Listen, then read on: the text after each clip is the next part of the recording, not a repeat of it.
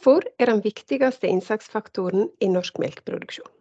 Nok grovfôr av god kvalitet er helt avgjørende for å lykkes som melkeprodusent. Og så lever vi i en tid der det er endringer i klima, og værforholdene endrer seg raskere enn på landet.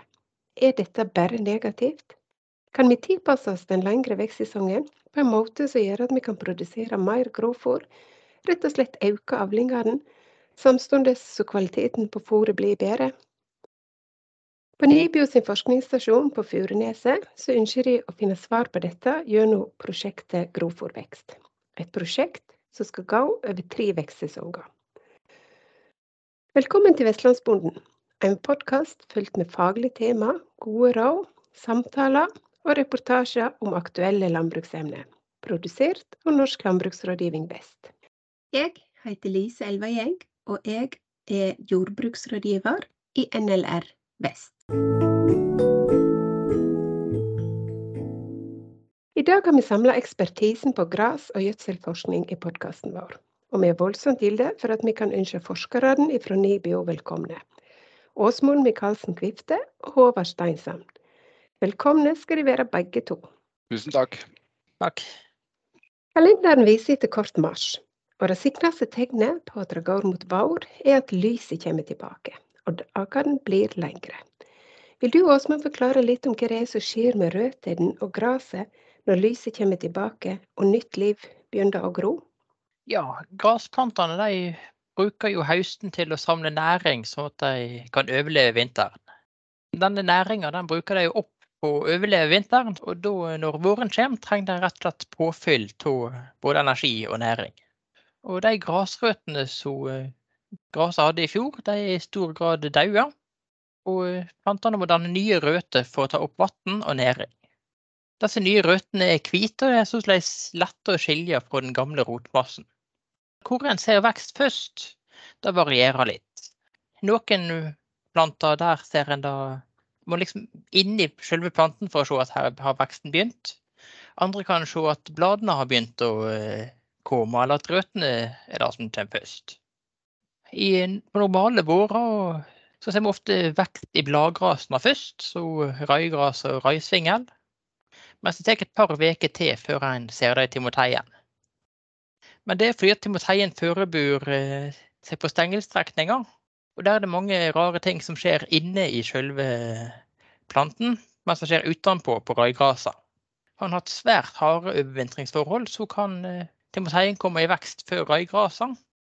Men da må jo røygras ha fått ganske mye medfart i løpet av vinteren for at det skal gå eh, Røygras skal trenge så lang tid på å komme seg på våren.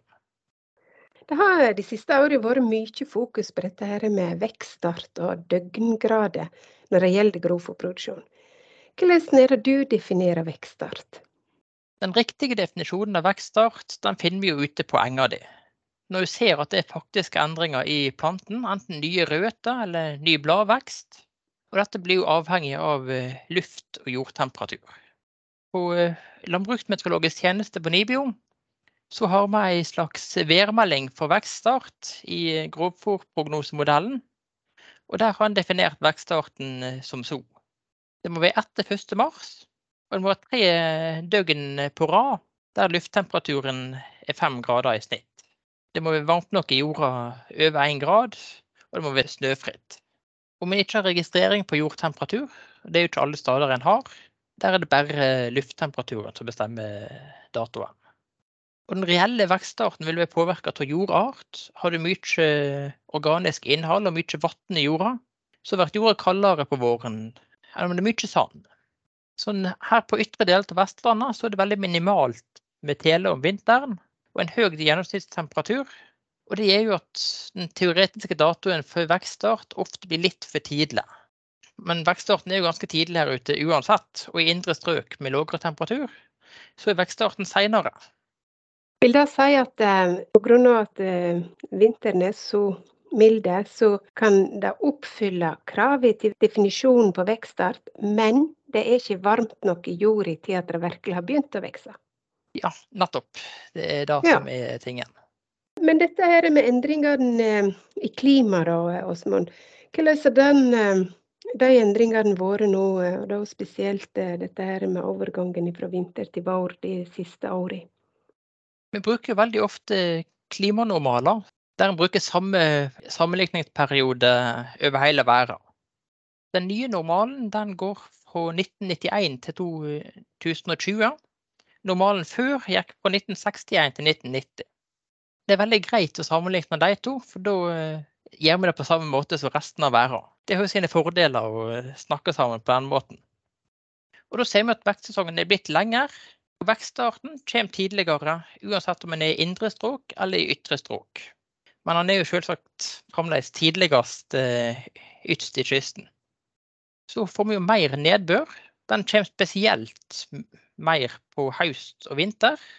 Og Dette gir oss jo en del utfordringer. Plantene blir svekka. Når vi ikke har tele, kan vi få mer angrep av vinterskadesopp. Eller det kan danne seg isdekke, sånn at uh, plantene egentlig blir kvelt under isdekket. Om de får god innvintring før en kald og lang vinter, så vil de klare seg godt. Også plantene kan bli lurt av at de tror at våren kommer tidlig, og så kommer det bare to uker til med vinter. Det takler jeg ikke like godt som om det er en lang og stabil vinter. Så egentlig da, så er det det optimale for plantene å ha en lang og god, stabil vinter, men realiteten er ikke akkurat slik nå. Det er tidligere vår og en lengre vekstsesong. Hvordan tenker du da at vi kan utnytte det at våren kommer tidligere, på en god måte når vi skal produsere dette grovfòret som vi er helt avhengige av i melkeproduksjon? Det er jo å tenke litt tidlig gjødsling. Da får plantene det de trenger så snart fotosyntesen kommer i gang igjen. Det er ikke bare sånn at når eh, lyset kommer, så går det av seg sjøl. Det trenger jo næring for å kunne fange CO2 og bygge plantemasser. Og Derfor vil det lønne seg å gi plantene næring så tidlig som råd. Og Vi har vist i flere forsøk at plantene tar opp næring tidlig. Og siden de gjerne liker å ta opp næring tidlig, så er faren for næringstap mindre og vi tilfører mye til å gjødsle tidlig, enn om vi tilfører mye mer seint. Det er større sjanse rett og slett for at en får igjen alt en har hatt på i plantene. Tidligere forsøk eh, tilsier det. Ja. Vi er enda litt for tidlig etter forsøket til å kunne si noe om det. Tidligere på våren så eh, har vi jo mye lys. Det er like mye lys 20. Eh, april som 20. august. Dagen er jo lengst ved Jonsok, og så er den omtrent like lang eh, to måneder før Jønsvåg som to måneder etter Jønsvåg. Så nå på våren så eh, mangler vi varme, men har mye lys. Mens vi ut mot høsten kan ha en god del varme, men med mindre lys. Så ved å komme i gang tidligere på våren, så får en utnytta mye mer av eh, lyset på våren. Det kan gi oss mer grovfôr. Om det er en bonde nå som sitter og hører på deg og tenker at dette var interessant, kanskje jeg skal prøve å utnytte disse tidligere vårene til noe positivt i min gardsdrift. Hvilke eh, råd vil du helt konkret gi denne bonden da? Det er jo å starte så eh, snart så rå etter eh, vekststart, så lenge jorda er laglig. Det er ingen vits for plantene å vente. Plantene tar gjerne imot gjødsla så tidlig så du klarer å gi den eh, til deg. Kommer en ut med møk tidlig, så er det jo veldig lett å se hvor en har kjørt. Men om en har lyst til å komme seg ut med mineralgjødsel tidlig, så kan det hende en må skaffe seg en sporfølger. Det er ikke dyrt. Men om en vil gjøre noe enda enklere, så kan en ta med seg noen bambusstikk og sikte etter. Så kan en sette dem ned der en har kjørt. Og eh, så ser en veldig tydelig at der det er bambusstikker fra før, der har du kjørt. Der det ikke er bambusstikker, der skal du kjøre fram etter. Men jeg må som sagt tenke på at eh, det må være etter vekststart, og det må være tort nok i jorda til at du eh, kommer deg ut på. Men der er det lurt å breie dekk og tvillingdekk og lett traktor. På NIBIO sin eh, forskningsstasjon på Furneset i Fjærne så nærmer nå våren seg med stormskritt. Og Der ligger det flere forsøksfelt som blir drevet på en slik måte at en ønsker å evaluere effekten av tidligere vårgjødsling og tidligere høsting av engi. Du har vært prosjektleder i dette prosjektet. Vil du fortelle oss litt om hva det er de ønsker å undersøke i denne forsøksserien? Det er altså det Hovedmålet med dette prosjektet Grovfòrvekst er at vi ønsker å tallfeste og så evaluere effekten av tidligere vårgjødsling og høsting. av enger. Og da vil vi se på, på, på avling, men også på fôrkvalitet og på gjødselutnytting. Og i neste omgang skal vi også regne litt eh, på hva det her eh, lønner det seg. Altså får en, en f.eks. en mjølkeproduksjon produsent eh, mer igjen for å, gjøre, prøve å bruke en utnyttende det som en Åsmund gjorde greie for nå. At, å utnytte det at ved en tidlig vekststart, at vi gir gjødsla tidlig, så vil vi da, slik vi tror, gi større avling. Vi har satt opp noen delmål i det prosjektet. og det, Vi prøver naturligvis å tallfeste hva kvantitativt hvor mye en tidlig vårgjødsling gir av avling på førsteslått og på totalavling. Og så har vi jo satt opp noen hypoteser. da, At eh, vi tror det, eller ut ifra det som Åsmund gjorde greie for her, at eh, ei tidlig gjødsling gir ei like stor førsteslåttsavling som eh, på tidlig vekststadium som ei gjødsling og høsting til tradisjonell tid. Altså, vi tenker det at kommer vi i gang og gjødsler tidlig, så vil det gi en sånn avlingsrespons av at vi kan høste enga på et tidligere stadium, og dermed også få økt fôrkvaliteten. Det er en av hypotesene vi vil etterprøve. og da I tillegg da, teste om det, om det virkelig er slik, og tallfeste det. og hva, er, hva mye betyr det, en sånn tidlig gjødsling. Så har vi òg eh, satt opp en hypotese om at eh, tidlig førsteslått gir en høyere fôrkvalitet. Det vet vi. Altså, det er ikke noe, noe, nytt at en tidlig, tidlig, slått gir høyere fôrkvalitet enn en senere slått, eller en normal slått, hvis du skal kalle det Men vi tror også at det vil, altså det vil gi en høyere fôrkvalitet i førsteslåtten. Men vi tror også at det vil også gi en, en bedre fôrkvalitet hvis du ser på den samla årsavlinga. Det er jo det som betyr noe for en melkeprodusent når en skal da fôre ut det her. Eh, at uh, førsteslåtten er jo ikke alt. Du skal jo også ha høste en andre og en tredje slått. Eh, for her, sånn som vi legger opp i dette forsøket, her, så legger vi opp til tre slåtter. Som da er jeg skal ikke si det er standard, men iallfall på, på kysten av Vestlandet så er det eh, tre slåtter eh, vanlig, og, og blir mer vanlig slik vi ser det. Kan en si det sånn da, at de egentlig er litt sånn, eh, sånn Ole Brumm? Det er litt ja takk, begge deler? Både ja. mer fôr og bedre fôr? Det er det vi tror, da. Men eh, så må vi jo da eh, Vi kan jo ikke bare tro, vi må, vi må, vi må teste det. Og så må vi jo se om det her, om det som jeg sa, det, at det er viktig å tallfeste det. For det, det, kan godt være at det er en, en fact, men betyr noe sånn, en såpass stor at det betyr noe, det er jo en, et viktig poeng. Jeg kan jo si det såpass nå det, at det, vi hadde jo eh, Første vekstsesong i forsøket var jo i, i fjor, altså i 2022. Og vi ser jo det at eh, vi får større avling med den tidlige gjødslinga sammenlignet med en normal gjødslingstidspunkt. Da gjødsla vi da det forsøket med da vi definerte som vekststart, det som Åsmund gjorde greie for da, veldig tidlig. Det var, I fjor så var det rundt eh, 1.4. Og så gjødsla vi da det vi kalte normalt, da, en, en, knapt en måned etterpå. Så det var ca. en måned forskjell i gjødslingstidspunkt. Og det ga en eh, ca. 150 kg tørrstoff mer på målet enn normal gjødslingstidspunkt. Og Den effekten så vi både ved tidlig høsting og ved normal høstetidspunkt.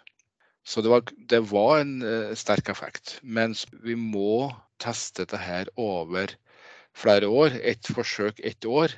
Det kan vi ikke uh, lite på sånn generelt. Vi trenger flere år på VRS for å se om dette virkelig er en sånn sikker effekt over tid. Det blir spennende å følge med. Det blir det. Du Åsmund, for at plantene skal nyttiggjøre seg husdyrgjødsel, så trenger de hjelp av disse eh, mikrobene i jorda. Og hva betyr det for eh, mikrobene at gjødsel blir tildelt tidlig? I husdyrgjødsla så har vi nitrogen i to former. Du har den eh, lett tilgjengelige nitrogenen, og du har den tungt tilgjengelige nitrogenen. Og det er særlig den tungt tilgjengelige nitrogenen som plantene trenger hjelp fra mikrobene for å få tilgang til. Og mikrobene trenger to ting for å gjøre denne nitrogen tilgjengelig for plantene. Det er varme, og det er tid. Gjør du den tidlig om våren, så eh, får du nok ikke så veldig mye med en gang, for det er ikke så mye varme. Men til gjengjeld så får bakteriene veldig mye tid for å hjelpe plantene. Så um, om du sprayer den eh, rundt 1. april, som vi gjorde i fjor, så har den jo helt til siste slåtten, som vi beveger ut i august-september med å gjøre tilgjengelig. Men sprayer vi det en måned senere, så har det jo tilsvarende en måned mindre til å hjelpe plantene på. Nå Osman, har du snakka om dette her sent tilgjengelige nitrogen i husdyrgjødsel. At det er tidligere vi kommer opp på, det er større sjanser for å få utnytta mesteparten av det. Men hva med den, det lett tilgjengelige nitrogenet i møki? Det lett tilgjengelige nitrogenet, ammonium heter det. Dersom det er fint og varmt i været, så fordamper det og blir til ammoniakk. Og da har du gjerne lukta litt eh, om du sprayer på en varm dag. Og når nitrogenet forsvinner som ammoniakk, så er det jo ikke gjødsla lenger. Da har det gått på alle vinder, og da er det ikke gjødseleffekt i det. Men i stedet for en forureiningseffekt. Det er jo litt uheldig at uh, gjødsla blir til forureining i stedet for uh, til gjødsel. Men ved å spreie tidlig, så uh, får en gjødseleffekt utover det, i stedet for at det går tapt. Og det finnes mange metoder annet enn bare å spreie tidlig på en gjerne litt før regn, for å redusere eh, tap og øke gjødselverknaden. Det er jo vanlig å f.eks. Eh, bruke en eh, stripesprayer i stedet for breisprayer. Da legger en det i små striper langs batchen. Da er det mindre område som det kan fordampe ammoniakk fra, så da fordamper det mindre. Og I tillegg, når du legger det ned på den måten, så sprayer du ikke utover all gressmateriale så det er mindre fare for sporer. Du sprayer det ikke ut over bilen til naboen, så det er mindre fare for eh, dårlig naboskap. Om du kombinerer stripesprayeren med en slepeslange, så får du lettere traktor ut på bøen, og det blir også mindre fare for jordpakking. Å kjøre ut uh, tidlig på våren med slepeslange og stripesprayer, det er vind på alle fronter. Absolutt. Eh, for det med den sporeproblematikken i melk er ikke noe kjekt å komme borti. Så hvis en da kan unngå problem ved at eh, det reduserer sporeproblematikken, og i tillegg utnytter mer av gjødselen, så er det jo fortsatt sånn Ole Brumm, dette her med ja takk, begge deler.